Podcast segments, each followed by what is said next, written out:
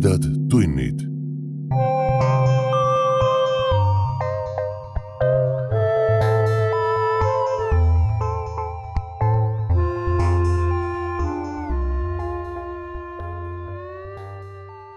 tere, hea ulmesõber. sa hakkad kuulama õudus- ja ulmejutu vestmis podcasti Tumedad tunnid. mina olen saatejuht Priit Öövel. käes on suur suvi ja ühes sellega jõuab neljal järjestikusel reedel teieni ka meie suur suvine järjejutt. seekordse järjejutu autoriks on Veiko Belials. mees, kelle loominguga saite meie vahendusel esimest korda tuttavaks tumedate tundide neljakümne kaheksandas osas, kui lugesime teile Veiko Belialsi ja Joel Jansi kahasse kirjutatud loo Neli kohta peale koma. meie seekordne jutt peaks vastama nii nende kuulajate ootustele, kes tahavad kosmoselugusid, kui ka neile, kes tahavad õudusjutte, mis leiavad aset soodes ja rabades. siin jutus kohtab mõlemat. ainult et need sood ja rabad asuvad Veenusel. jutt on kirjutatud spetsiaalselt Raul Sulbi koostatud antoloogia Täheaeg Veenuse teemalise erinumbri Hirmuplaneet jaoks. täheaeg numbriga kuusteist ilmunud aastal kaks tuhat seitseteist. Stalkeri auhindade jagamisel järgmisel aastal jäi see algupäraste jutustuste ja lühiromaanide kategoorias napilt ühe punktiga teiseks. jutt on ilmunud Veiko Belialsi autorikogumikus Surnud mehe käsi, mille andis välja kirjastus Lummur eelmisel aastal. autor ise ütleb eessõnas jutu kohta nii. Veenus on selles loos küll piisavalt palphõnguline kuid siiski mingil määral teadusliku taustaga.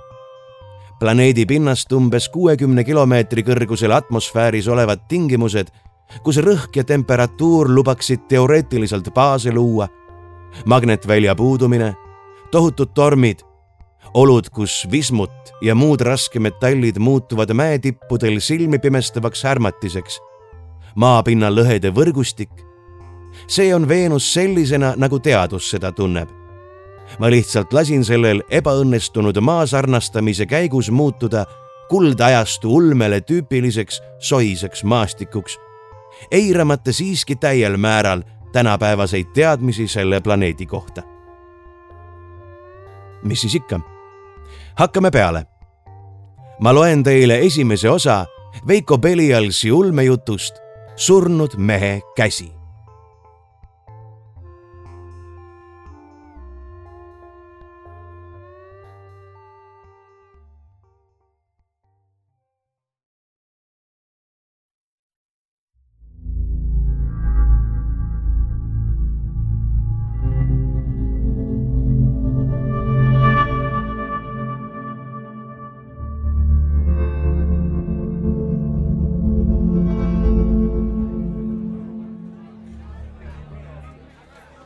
hei Kolt, kuidas käbarad käivad? mees, kes istus Lorelei hämarusega kaetud nurgalauas, tõstis pikkamisi pea. tema vastas seisis armilise näoga hiiglaslik neeger. Kallen, noogutas laua taga istuv mees tülpinult. kurat, mitu korda peab sulle ütlema, et mu nimi ei ole Colt vabanda, Wesson no kuidagi ei suuda kiusatusele vastu panna. irvitas Cullen. muide, kuhu sa oma Smithi jätsid? ma ei tea, ohkas Wesson väsinult. tal oli lollidest naljadest ilmselgelt kõrini. kuhugi looda kaarde ta minust maha jäi. ta keeras pea viltu. oli sul asja ka või lõksutada niisama lõugu? Kallen silmitses teda mõtlikult, huuled pruntis. sa ei paista täna just parimas tujus, aga äri on äri. jõudis ta lõpuks otsusele. ta tõmbas tooli lähemale ja istus, lükates ühe klaasi sinaka vedelikuga Wessoni ette. mul on klient. kuidas see minusse puutub? Wesson puuris teda sama siniste silmadega kui vedelik klaasis, mida ta ei puudutanudki. kui oled huvitatud, on see sinu klient. ütle talle, et ma ei ole huvitatud. seekord ei ole see niisama lihtne. ohkas Cullen ja pööras pilgu kõrvale. miks? ma olen neil munepidi pihus. Wesson kiikas laua alla. Tõsi ka või? muigas ta napilt. kuidas see neil küll õnnestus? nii palju, kui mina mäletan, ei jäänud sul pärast Rodriguez'e tellimust sinna just palju järele, mida pihku võtta. Kalleni suunurk hakkas tõmblema. ilgu, ilgu, pressis ta lõpuks. aga vaata, et sul varsti endal ei tuleks pihuga piirduda. Wessoni käsi sähvatas välja nagu madu. ta haaras Kallenil rinnust ja tõmbas lähemale mida sa, hoorapoeg, sellega öelda tahad? sisises ta, silmad kissis neegri armilisse näkku. Nad teavad meist rohkem, Wesson, kui see meile ja meie lähedastele tervislik on. ohkas Cullen ja nägi korraga poole väiksem välja kui ennist. mul on tütar, Tarania. Nad on selle välja nuhkinud. sul on Seera Wesson lasi ta lahti ja nõjatus seljatoele. too oma klient siia, urises ta Cullenile. ma tahan teda näha. ja kui neeger läinud oli, pomises ta kurjalt. Nad teavad rohkem, kui see neile tervislik on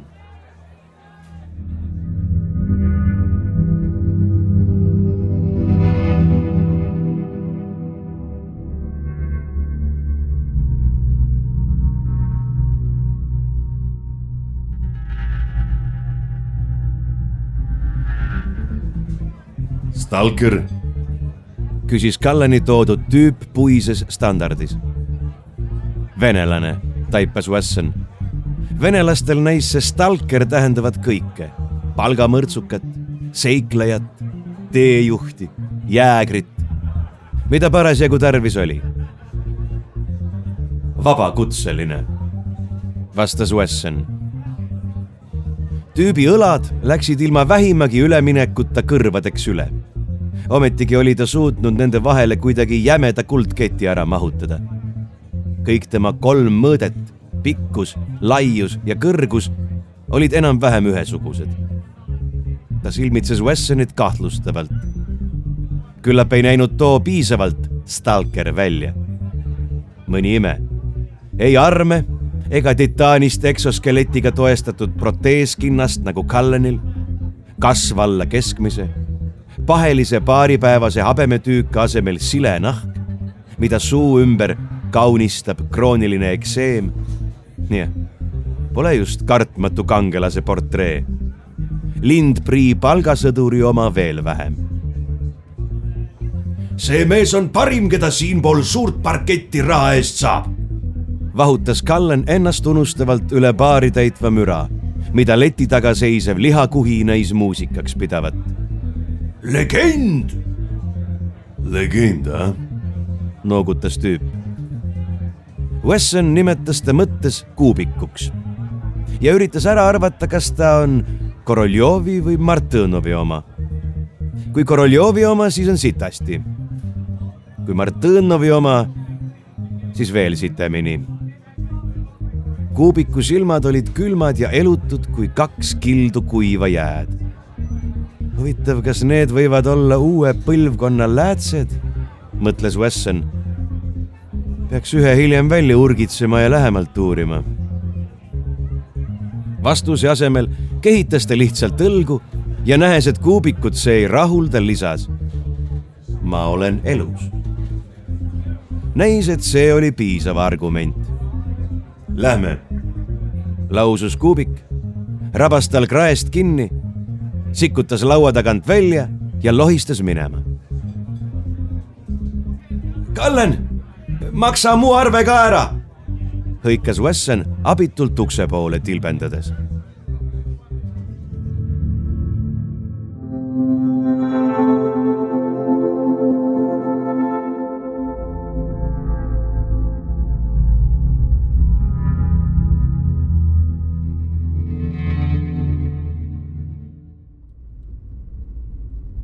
ta oli arvanud õigesti. Nad sõitsid Vene sektorisse. seotud silmadele vaatamata oli ta pärast kolmandat pööret kindel, et nende siht on maha jäetud ladude ja lagunenud dokkidega Port Stellari sadamaala. kusagil ta ajus reageeris kujuteldav navi pööretele ja kuvas vaimusilma ette linnakaardi. üks ta tillukesi eripärasid, tänu millele ta oma ametis nii edukas oli. Ta ei suutnud kunagi ära eksida ja teadis alati, kus ta on või kuhu suundub nii et kui Kuubik oli ta ühte vanasse kosmofloti laohoonesse lohistanud ja ta lõpuks sideme silmilt võttis, olles ta enne raudjalgadega toolile istuma surunud, oleks Wesson võinud oma asukoha öelda aadressi täpsusega. ta ei kartnud, neil oli teda tarvis ja venelased armastasid suuri žeste, butafooriat ning jõudemonstratsioone. kui nad sidet silmilt poleks võtnud oleks muretsemiseks palju rohkem põhjust. Wesson oli ammu aru saanud, et enamasti kaeti tapetavatel silmad kinni mitte selleks, et neil oleks lihtsam surra, vaid et tapjatel oleks lihtsam tappa.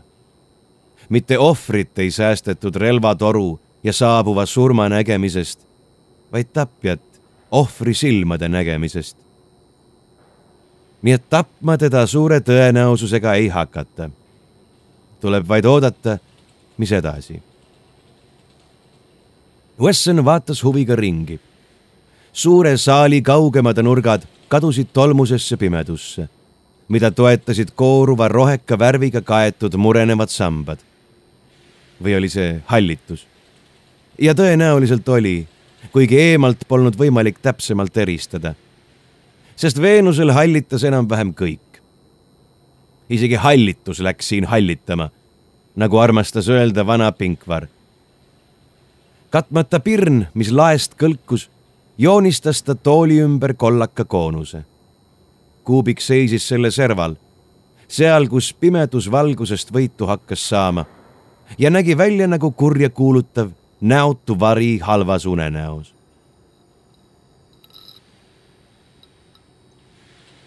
liivaterade ja tolmu kerge krudin andis lõpuks märku, et keegi või õigemini miski läheneb.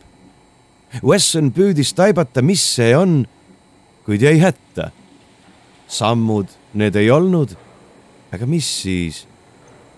ja alles siis, kui tuli ja pimeduses kuju hakkas võtma ning ta selle leidmiseks pilgu oma pool meetrit allapoole pidi langetama, tundis Wesson ta ära ja pidi võpatuse vältimiseks kõvasti vaeva nägema. ratastool. Igor Põkk, istuv sõnn. lugu Igori sõjaretkest. Veenusel polnud ilmselt inimest, kes poleks seda lugu kuulnud. Igor Põkk oli helge tulevikuga lootustandev noor insener. ta oli kangekaelne nagu sõnn ja ei jätnud enne, kui oli oma tahtmise saanud. teda edutati. ta tegi pead pööritavat karjääri. ta lahendas mängleva kergusega lahendamatuna näivaid probleeme, mis vaenuliku planeedi alistamist takistasid. ta oli kangelane. ühel päeval tehti talle pakkumine, millest oli võimatu keelduda. ambitsioonikas projekt otsis juhti. nagu hiljem selgus otsiti tegelikult patuoinast. sureva maa võimumängud olid otsapidi Veenusele jõudnud. hulk inimesi sai surma, mingid olulised andmed läksid kaduma ja Põkk topiti vanglasse, mida Veenusel samuti ei olnud. ta istus suurema osa oma elust kinni. irooniline hüüdnimi Istuv sõnn jäi talle külge ühest skandaali kajastanud ajakirjaniku eraviisiliselt antud kommentaarist, mis kiiresti üle Veenuse levis. Nood, kes ta ohvriks tõid, taipasid liiga hilja, et säärase energia, ambitsiooni ja sihikindlusega mehest endale vaenlase vormimine oli nende elu suurim viga. seda üritati küll ebaõnnestunult parandada ja sellest alates istus Põkk ratastoolis. õigustades nüüd oma hüüdnime juba otseses mõttes. aga oli juba hilja. pool aastat hiljem oli lisaks vangla jõukudele ka suur osa Veenuse allilmast istuva sõnni käpa all ja ta ise vanglast põgenenud.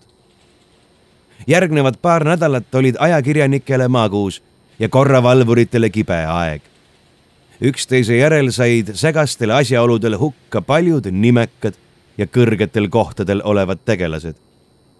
ja kõigil neil oli enne surma põlved puruks pekstud. vaata aga, sõnas Põkk ja ta peenejoonelistel huultel mängles naeratus. palusin tuua soode spetsialist ja mulle tuuakse kõigi Veenuse soode hirm Smithless Wesson ise. äkki võtate koos minuga klaasikese Red Misti, härra Wesson? tänan, vastas Wesson. aga ma eelistan pigem Crimson Cloudsi. Pole hullu, noogutas Põkk mõistvalt oma hõbedast pead. ka seda saab. ta nipsutas sõrmi joogid mulle ja härra Wessonile. pimedusest ilmus sõnni ratastooli väiksem veli. sama edevast mattmustast plastist serveerimislauake, mis vuras sama hääletult esmalt Wessoni juurde ja võttis siis koha sisse peremehe vasemal käel. mõjudest roostitus rõskust uhkavas laohoones kohatu võõrkehana. nagu kutsikas vana murdja kõrval Wesson silmitses sõnni üle klaasiserva ja rüüpas mõtlikult oma jooki.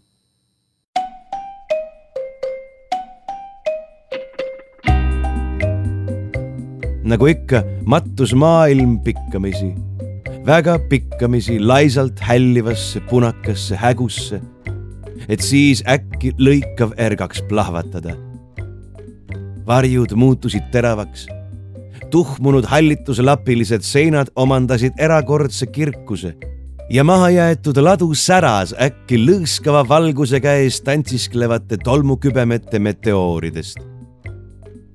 istuva sõnni küütlev Keigari ülikond lainetas terashalli erinevates varjundites nagu elav hõbe ja sõrmus tema vasema käe väikeses sõrmes pildus kiiri, mis olid teravad ja jäigad nagu nõelad tajud särtsusid nagu katkenud elektrikaablid.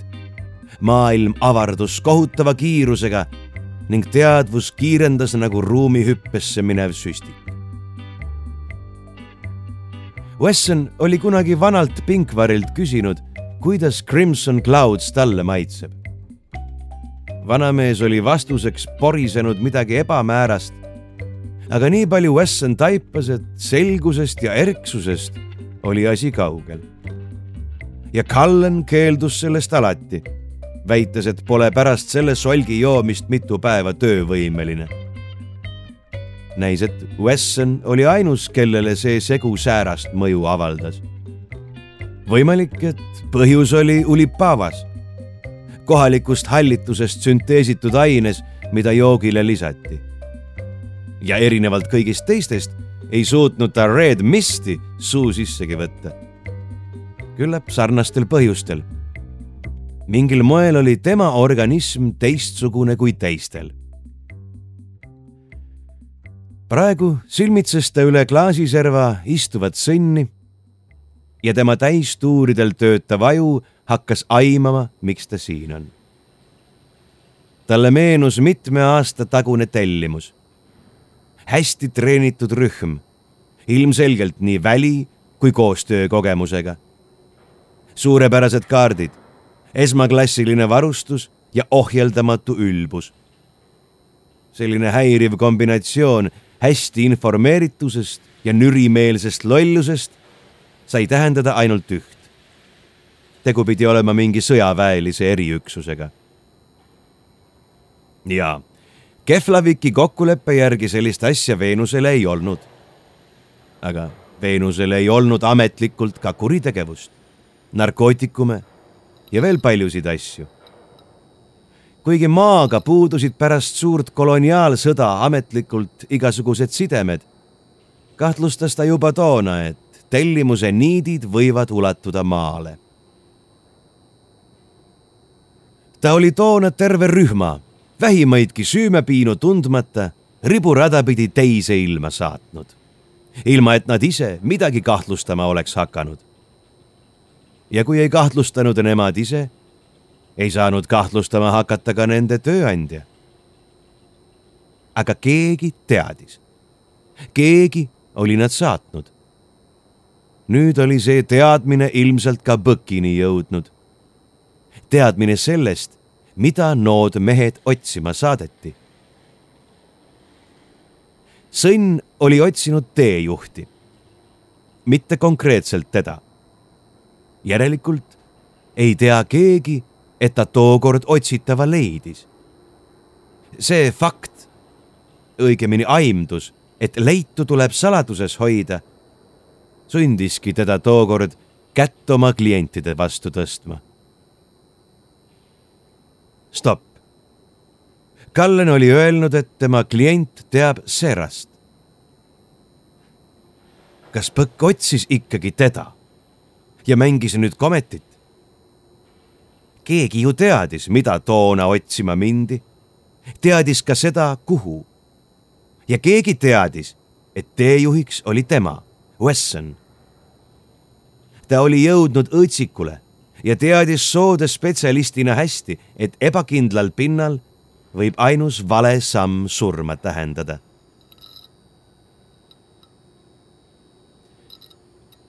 Teil olla tööd pakkuda küsis Wesson pead viltu keerates. haarate härjal sarvist? küsis Põkk ja hakkas oma kalambuuri peale iitsitama. Ei salga, on üks väike ots. Te olete üks vähestest, härra Wesson, kes on käinud teisel pool suuri idapoolseid rõngassoid ja meid on seal üks asi huvitama hakanud. olete te kuulnud legendi kadunud ekspeditsioonist? noh, kes ei oleks, mühatas Wesson. Muinasjutt. kui ma väike olin, räägite seda ka mulle enne magama jäämist. arvate? kummardus sõnn ettepoole.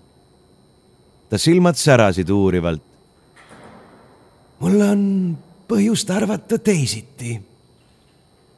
Wesson kehitas ükskõikselt õlgu. ma eeldan, et kui te mu palkate, siis kuulen ka mina neist põhjustest. Ma ei ole harjunud pimesi töötama. nii minagi, nii minagi, kõhistas Põkk. me oleme sarnased. kas te ei leia, härra Wesson? Äh, ja mis puutub palkamisse, siis olete te juba palgatud no,? tavaliselt eelistan ma ise otsustada, millal ma jah ütlen, urises Wesson. aga mitte seekord. Lõikas Põkk ja tema hääles helises teras. minuga asju ajades otsustan mina, kes mulle jah ütleb ja millal seda teeb ja teie ütlete, kui teie seksuaalsete eelistuste hulka ei kuulu just bœuf à la tartare. Wessoni põsk tuksatas. siis ikkagi. Ta suunurgad kõverdusid ja lõuapärad liikusid. aga kui ta lõpuks suu avas, kõlas ta hääl külmalt ja ilmetult. niisiis mis selle kolmanda ekspeditsiooniga oli? suurepärane, rõkatas sõnn. ma teadsin, et me leiame ühise keele, härra Wesson. elu on nagu pokker, kas pole? vahel võidad, vahel kaotad. Teist oleks saanud suurepärane pokkerimängija, härra Wesson, jumala eest, milline nägu. miks te arvate, et ma seda ei ole? kehitas Wesson õlgu pokkeris muide jagatakse kaarte korduvalt välja. teinekord on mõistlik vahepeal kaotada, et võit suurem tuleks. bluffite? Põkk pani sõrmeotsad kokku ja silmitses Wessonit üle nende. Te meeldite mulle, härra Wesson. meil saab lõbus olema. Wesson muigas vaevu märgatavalt. ta polnud eksinud. sõnn oli mängur ja kirglik. järelikult oli võimalus. ekspeditsioon, meenutas ta. õige küll, noogutas Põkk. Teie unejutt. mida te kuulnud olete? Wesson mõtles veidi. enamasti räägitakse, et enne kui kolmas kadunuks jäi, leidsid nad midagi. pakkus ta lõpuks. Veenuse suur saladus. istuv sõnn noogutas. jaa, meie, inimesed, oleme alati vajanud müstikat ja saladusi. Põkk naeratas nukralt. mis seal ikka, see on inimlik. ainult, et suur saladus ei ole müstifikatsioon. suur saladus on olemas. see oli kolonisatsiooni algaastatel ja ei leidnud mitte nad, vaid üks neist, geoloog Lebrand. säilinud on tema sõnum, mille ta ekspeditsiooni ülemale saatis. Pühade vägi James, kui sa seda näeksid, ma ütlen sulle, et pärast tänast ei ole maailm enam endine. Mi-, mis see oli? keegi ei tea. ta jäi koos oma meeskonnaga tormi kätte ja neid ei leitudki. isegi see pole täpselt teada, kus nad suure saladuse leidsid. ainult ligikaudne piirkond, mis on fikseeritud kaudselt. kapten Collinsi viimase ettekande põhjal, milles ta teatas, et alustab otsinguid. ma olen seda Lebrandi teadet kuulnud. see on ehtne ja ma tahan teada, mille ta leidis. Wessoni silme ette kerkis hiiglaslik koobassaal sügaval mäe all, mida täitis ebamaine rohekas helendus. Helendavatest torujatest moodustistest tornid, lõpututes ridades, kerkimas kõrgustesse iidsete võlvide all, mida katavad kõhedust tekitavalt võõrad märgid tal jäi veel praegugi aukartusest, hirmust ja vaimustusest hing kinni, kui ta sellele mõtles. jah, polnud kahtlustki. pärast sellist leidu ei ole maailm enam endine. Aga kas see muudab inimkonna ajalugu, maailmapilti või hoopis tuleviku väljavaateid, oli selgusetu. ja ta polnud kindel, kas ta tahaks seda teada ja te arvate, et mina leian selle üles? ma ei tea kedagi, kes sobiks selleks paremini. Te tunnete siinseid soid. Te olete ellujääja. Teist räägitakse legende. ma olen alati teada tahtnud, kuidas põrgu päralt te Sergio Leonest jagu saite. kiirema relvakäega meest kui tema pole minu silmad veel näinud kiire peab olema mõtlemine, mitte käsi, vastas Wesson väsinult. aga väidetavalt olid teil tookord silmad seotud. Ja siis mõtlemist see ei sega. tal polnud vähimatki tahtmist oma ellujäämissaladusi paljastada. istuv sõnn raputas uskumatult pead tahate öelda, et see muinasjutt vastab tõele? muinasjutt muinasjutu vastu.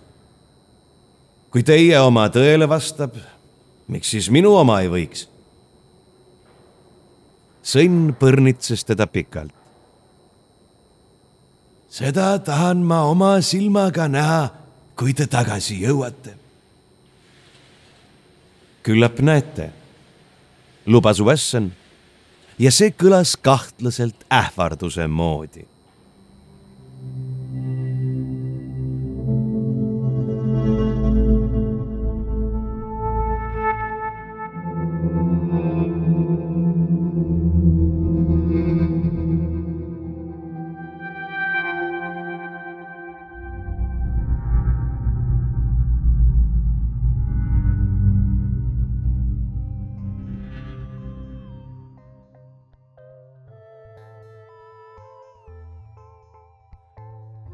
Te kuulsite esimest osa Veiko Pelialsi ulmejutust Surnud mehe käsi.